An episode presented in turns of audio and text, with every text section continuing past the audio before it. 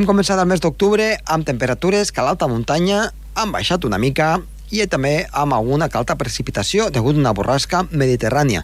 Ja en parlàvem, borrasques mediterrànies que donen que parlar amb molta precipitació a zones de costa. Aquí al Pirineu, ben poc, però sí que, a poc a poc, la tardor fa acte de presència. Comença el torn.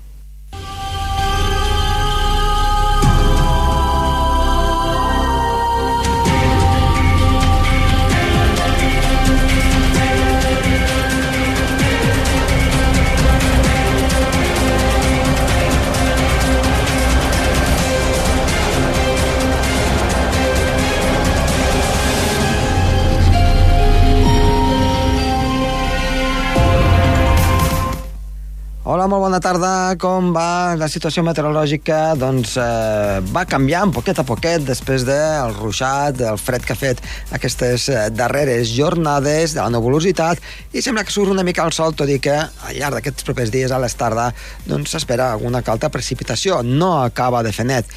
I parlarem al llarg d'aquesta jornada, parlarem al llarg d'aquest programa, d'una cursa d'alta muntanya que fa els 2.900 metres de les muntanyes d'aquí del país. Per tant, fa tots els cims en tan sols un dia. I atenció, la meteorologia hi és molt important.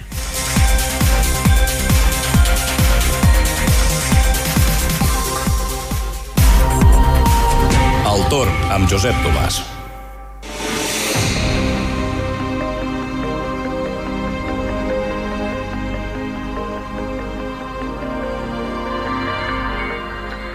En l'entrevista d'avui del Tor tenim a Carles Rossell, ell és el president d'AEMA i què millor que ell que explicar-nos una mica de què es tracta aquesta associació. Eh, Carles, molt bona tarda. Hola, bona tarda.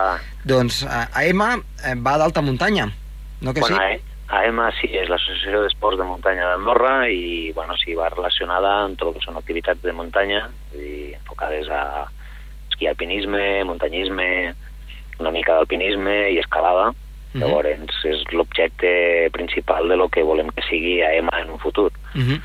um, uh, molts dels oients es preguntaran què, què té que veure amb la meteorologia, doncs uh, el, el tema d'aquests esports d'alta muntanya, jo crec que molt, no? ara en parlarem una mica, però sobretot el que, el que volem donar a conèixer és una cursa que s'ha de fer el dia 30 eh, i 1 de 31 si no, si, malament, si no m'equivoco, el 31 i 1 d'octubre, per tant, a cavall del que és el mes d'octubre i a principis de novembre, amb una cursa doncs, que és molt especial, que agafa els cims de 2.900 metres d'aquí del Principat i crec que és força interessant de que els nostres oients ho puguin escoltar.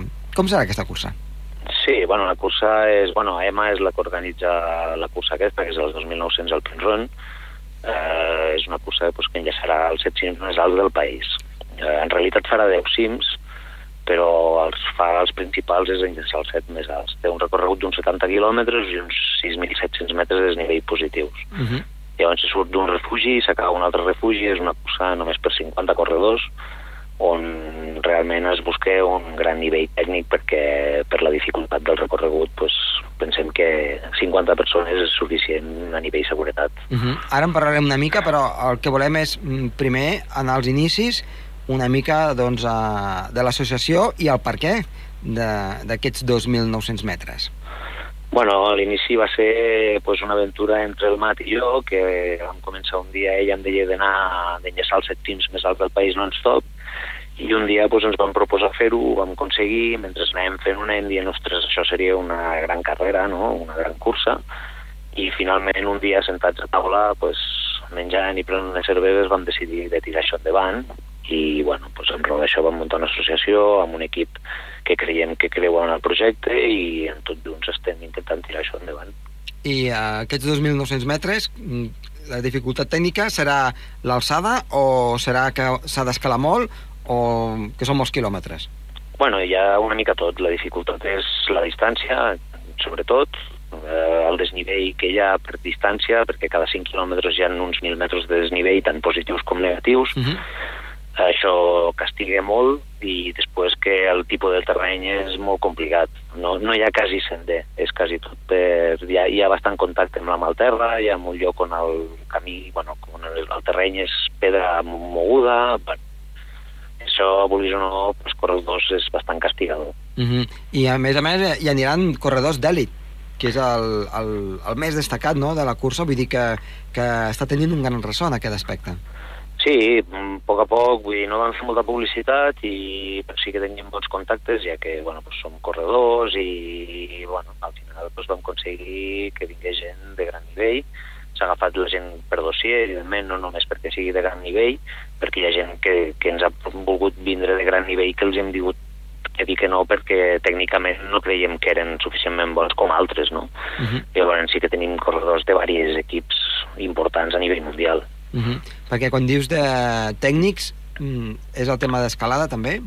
Bueno, sí, en el que és uh, scrambling, pensar que els fem passar el que és la via ferrata, també faran la via ferrata de la directíssima Canillo, clar, tot el que és, sí, el que és, bueno, temes d'encordada i coses així. Uh -huh. eh, suposo que la meteo també és, és, és important en aquest aspecte, de, en, aquest, en aquestes alçades, el vent... Eh, es passa per moltes crestes?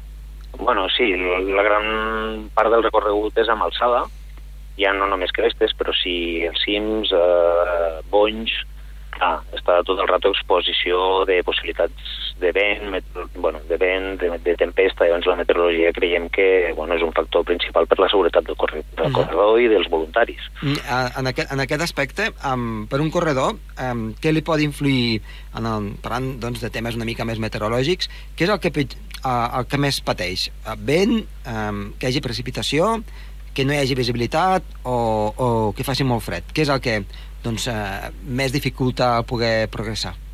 Bueno, el, el corredor el corredor li dificulta tot, jo crec, a nivell meteorològic, perquè si hi ha neu pues, està obligat a portar microspikes o crampons, si hi ha boira el, aquí a nivell organització ja és més complicat perquè hem de traçar molt bé el recorregut perquè el corredor no es perdi. Clar, si hi ha vent el, el corredor es pot sentir també una mica més inestable a les arestes, això també els proporciona anar més a poc a poc. Uh -huh.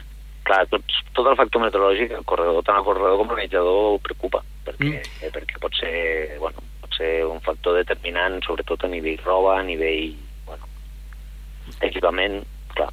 Uh, en alçada, quan estàs a, amb, una, amb una aresta, uh, el vent et pot arribar a tirar? Oh, sí, sí, i tant. Jo he estat en curses que hi ha moments que puc anar per terra.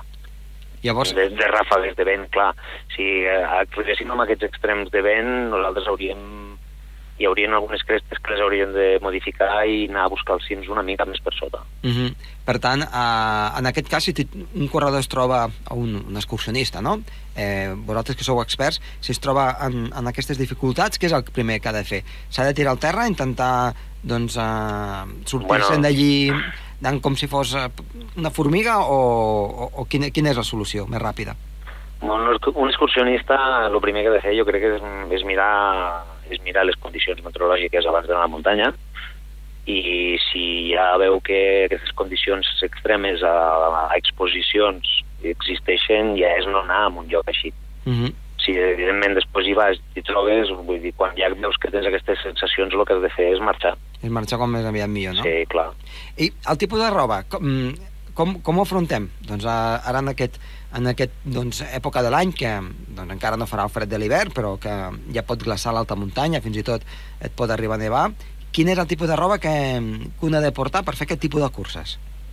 Bueno, a nivell corredors segurament que aniran lleugers aniran amb malles curtes, a part de que nevi aniran amb malla curta, samarreta curta i portaran una capa i potser algun, algun plomés una mica més finet uh mhm. -huh. per, per d'entrada a la nit guants segurament, algun buff portaran potser algun gorro alguns, però bueno, això és, és cada, cada corredor es coneix el seu cos. Llavors, nosaltres, per exemple, a nivell material de roba no obliguem a res. Mm -hmm. Els obliguem a que realment s'informin de la meteorologia i que nosaltres els anem informant a nivell d'organització eh, i que s'equipin com ells creuen que han d'anar equipats. Mm. Per això són experts de la muntanya. I, i personalment, tu quan, quan, vas fer, quan vas a fer aquestes curses, em, ho fas per sensacions o, o sempre portes un, un mínim material? Bueno, jo miro la meteorologia que donen, eh, normalment, i amb raó d'això, bueno, ja normalment la majoria de les curses publica un material, llavors has de portar aquell material, i si a més a més eh, jo crec que hi haig d'afegir alguna cosa, jo hi afegeixo alguna cosa, sempre. Uh -huh. I, a, I a nivell de menjar? A nivell de, a nivell de menjar, bueno, a nivell de menjar, ells saben que hi ha uns punts de control on, on tindran menjar, és una cursa de semi-autosuficiència, Uh -huh. on saben que durant X quilòmetres ells no tenen ni aigua ni menjar, llavors ells s'han de portar lo seu.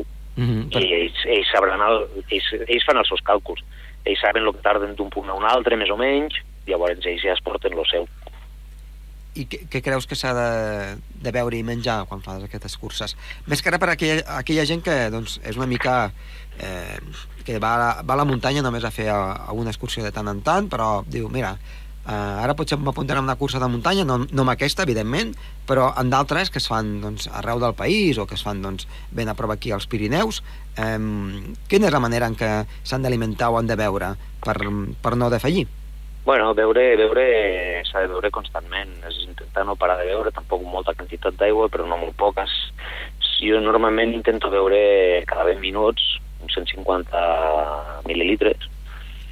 Intento, no és evident, també depèn de la meteorologia, a vegades veus més, a vegades veus menys, però sí que és d'obligar a beure un litre d'aigua si pots cada hora. Uh -huh. Llavors menjar, jo també intento menjar una mica cada hora. Mm, I sempre són barretes, gels o quin, quin tipus d'aliment és, el, és el millor? Bueno, hi ha de tot. Hi ha barretes, i després hi ha, a mi em fan unes pastes de fruits eh, naturals, al Patrice Bernard, però bueno, jo intento alternar entre barretes i el que ell em dona. Uh -huh. I llavors el, el- la recuperació com es fa? D'una cursa tan, tan, tan llarga com aquesta. Home, la recuperació és, el més important és un cop acabat intentar menjar en el curs dels 30 minuts. Això és, crec que és un factor bastant determinant per una bona recuperació i després pues, eh, fer recu- recuperacions una mica actives els dies següents, Mhm. sense matxacar-te massa al cos, o intentar fer sortides de 30 minuts, una horeta, molt suau, per, per anar regenerant tots els muscles. Uh -huh. Molt bé, tornant a la cursa, eh, des d'on sortirà i on acabarà? Bueno, doncs la cursa comença... Bueno, la cursa en realitat comença divendres, que es fa un de reunió al Prat de Roure, aquí a Escaldes, on s'entregaran, on es farà el briefing amb els corredors i tot, i llavors es fa una sortida conjunta a peu pel Madriu fins a l'estany de la Pera. Allà dormiran i a les 5 del matí pues, prendran la sortida i faran tot el recorregut fins a arribar al refugi del Coma Pedrosa, Uh -huh. tenen, tenen 24 hores per fer-ho, amb uns talls horaris en certs punts, i dormiran allà al refugi del Coma Pedrosa i l'endemà baixarem tots conjuntament un altre cop fins a Arinxal, on hi haurà un autobús que ens portarà a Escaldes. Per, per tant, la- la- la- l'aproximació, déu nhi perquè és de fet tota la vall del Madriu, no? Sí, sí, a més és una part que, de la... Sí. No, no, és que, clar, mm, per les persones que, no, que fan una excursioneta i, i van a l'estany de l'illa, ja és una, una superexcursió. sí I vosaltres ho feu d'aproximació només. Sí, exacte. En aquest cas, bueno, és, és una altra vall, és la vall de Perafit de Claró, és una vall que hi ha menys afluència de gent, però jo Mhm. crec que també és una vall que és més salvatge, que els hi pot agradar molt més. Eh, clar, ells, jo conto que en dues hores, dues hores i mitja estaran al refugi de la Pera. Aniran corrents. No, no crec que estiguin més, no, jo crec, jo crec que hi haurà una mica de tot, Mm. perquè es faran grupets, eh, hi haurà una mica uns que es picaran, alguns altres que voldran calentar el dia següent, altres que aniran tranquils, jo crec que hi haurà una mica de tot. Mm. Però l'objecte és intentar anar tots junts eh, i fer una mica de companyonia, no? La nostra cursa no és una cursa, és una cursa on el que volem és pues, que entre els corredors hi hagi una molt bona entesa, no la típica cursa que tots van a dormir en un hotel, es troben a la sortida, corren, no coneix ningú a ningú, Ja. i no, nosaltres volíem algo més familiar. Mm -hmm. Per tant, doncs, intentar consolidar primer aquesta cursa Sí. eh, i després doncs, de que hi hagi doncs, això, un, un bon rotllo, no? Un, un, com, exacte, una bona companyonia, no? Uh -huh. Molt bé, molt bé. I s'ha de passar per tots els cims de 2.900 metres d'aquí del Principat d'Andorra. Sí, I quan, Tots. quants són? Quants són? Quants són set. Set cims. Inicien, comencen per la Portelleta, se'n van cap a l'Estanyó, fan la Serrera, després el Font Blanca, Meda Corba, Roca Entravessada i l'últim, el més alt, el Coma Pedrosa. Uh -huh. I el, el més difícil? El més difícil, jo crec que tècnicament el més difícil està entre el Meda Corba i Roca Entravessada. Uh -huh. Aquests dos són els tècnicament, crec que, més difícils. Després, bueno, Font Blanca també els fem pujar per una canal que és molt, molt empinada, i l'Estanyó pues, té el seu què, tots, tots penso que tenen el seu què. El Mhm, més sí. fàcil per mi és la Portelleta. eh, és el més fàcil. per mi. Mm -hmm. Però, clar, no deixa de ser un 2.900. I via ferrata, no? Sí, la via ferrata... Però, sí, aquí logísticament l'organització els hi proporciona el seu material a Canillo i es recupera el, de la via ferrata, el material obligatori per via ferrata. És un, és un tram neutralitzat per això, eh? Ah, val, perquè dic, sí, aquí de cursa molt, molt no, no es pot fer, clar. No, no, no volíem que es barallessin... Allà no aniran a guanyar la cursa, llavors... Vull dir, Clar. que s'adelantin allà considerem que és un error. I és, obli és obligatori fer la via ferrata? Sí, sí, Va. sí, sí, són els requisits de la cursa. La Perquè- cursa passa per allà, ells han d'anar per allà. Qui no sigui apte de fer la via ferrata no, no ha d'estar a dins dels 2.900. Clar, perquè mm, la via ferrata no és, no és pas evident, no? A mi, és una de les més difícils, però no vull dir la més difícil, em sembla, no? De- Bueno, D'aquí del Principat? No, potser jo no la diria la més difícil, però sí que és la més aèria. Sí. Llavors, a nivell sensacionalisme, potser és la que més sensació de- Mhm. d'altitud tens, no?, d'alçada.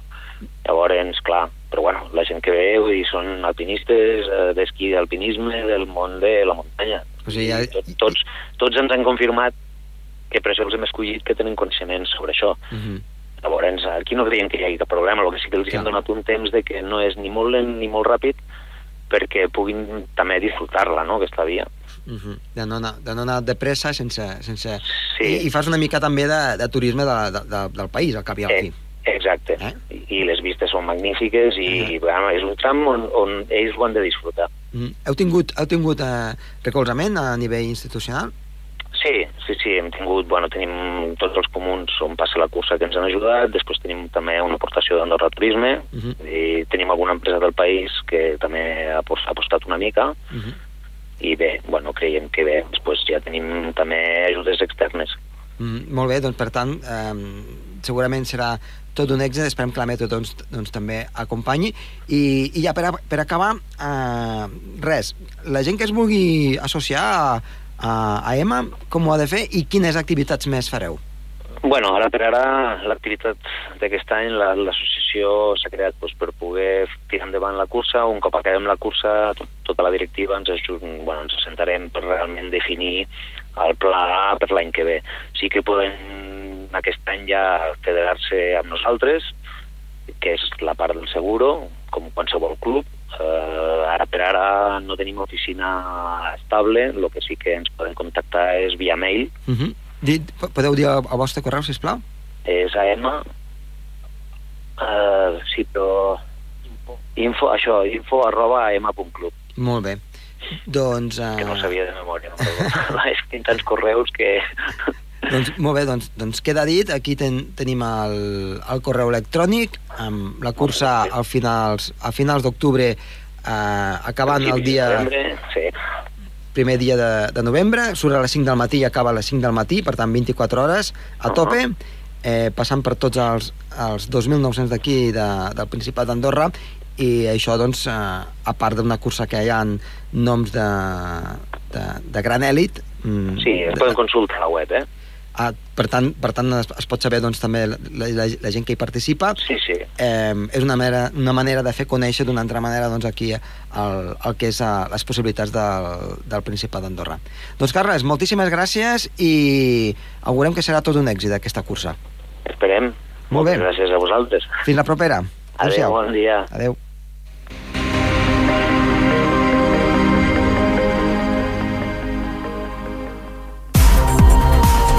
El torn, amb Josep Tomàs. Doncs som-hi perquè la cosa està bastant revolta i és que de fet aquests dies hem tingut una pertorbació mediterrània una pertorbació mediterrània que mm, ha donat força de sí, ha donat en alguns punts a les costes mm, de Catalunya, en aquest cas, també del sud de França, Illes Balears i ara mateix illes de Còrsega, Sardenya i cap a la península italiana, precipitacions de més de 100 litres per metre quadrat, en poca estona i també amb moltes hores de precipitació continuada, per tant, de forta intensitat i, sobretot, amb gran alteració de la mar, onades que han superat en alguns casos els 9 metres d'alçada.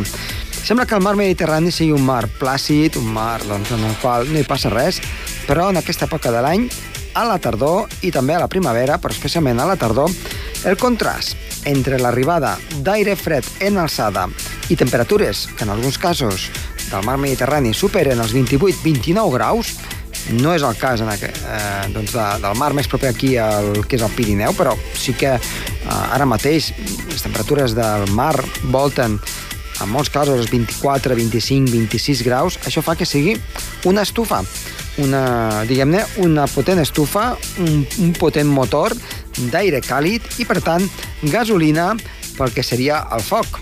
I és que, de fet, quan entren bosses d'aire fred al Mediterrani, que queden?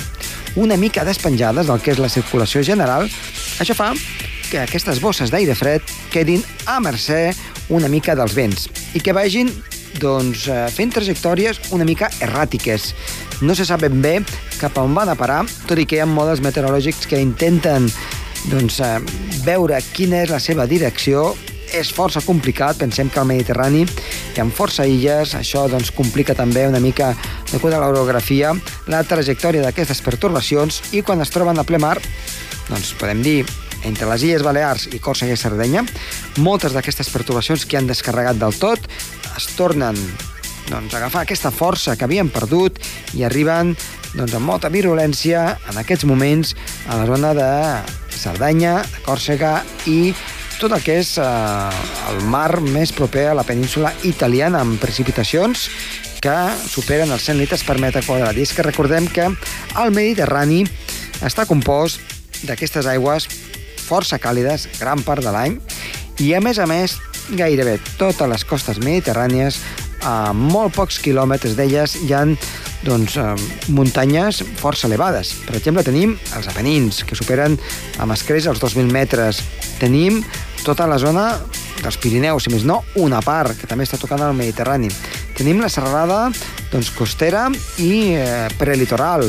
Tot això al llarg del que és eh, tot el llevant de la península ibèrica, o si més no, en gran part. Això fa que quan una mica d'aire d'aquest humit amb aire fred topa contra aquestes muntanyes fa de palanca i agafi molta més força. Totes les illes del Mediterrani són molt muntanyoses. Les Balears, Còrsega, Sardenya, les illes gregues, no cal dir que a Grècia, que també les muntanyes són força elevades, amb molt pocs quilòmetres, s'eleven amb menys de 10 quilòmetres del Mediterrani endins, uns 2.000 metres. Això fa que tinguin un gran potencial d'acumular, en aquest cas, calor i també precipitació. Per tant, molta atenció en aquestes properes jornades encara al mar Mediterrani, que de ben segur ens donarà moltes sorpreses. Si ens anem aquí al Principat d'Andorra, què esperem? Doncs al llarg de divendres, sol al matí, a la tarda algun cauter ruixat no acaba de fer net, poca cosa però, fresca a primera hora, i pel cap de setmana, un matí de dissabte que sembla que ha d'estar marcat per una certa precipitació, minsa, però, però això sí, amb nuvolades. Per tant, a l'alta muntanya la visibilitat pot ser una mica reduïda. A partir del migdia, a poc a poc aquestes nuvolades s'aniran obrint i, per tant, millorarà la situació meteorològica al llarg de dissabte a la tarda. I diumenge, sol.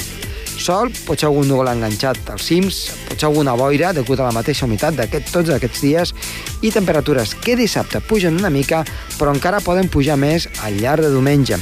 Recordem, els matins encara farà fresca, però al migdia i a la tarda les temperatures pujaran i per tant s'estarà força bé. Pot ser un bon dia si no canvien els models meteorològics per sortir a fer alguna excursió a la muntanya. No farà excessivament fred als cims, el vent doncs, serà més aviat fluixet i el sol ha de lluir durant tot el dia. Per tant, es presenta un cap de setmana, en general, tres quartes parts, doncs força tranquil, una primera part a la zona doncs, d'alta muntanya d'aquí, del Pirineu, de dissabte, amb una mica d'inestabilitat i, en definitiva, amb un temps cada cop més de tardor. Poden observar com, a poc a poc, doncs, les fulles dels arbres d'aquí, de les zones més baixes, van canviant una mica el seu color. Per tant, que tinguin un bon cap de setmana.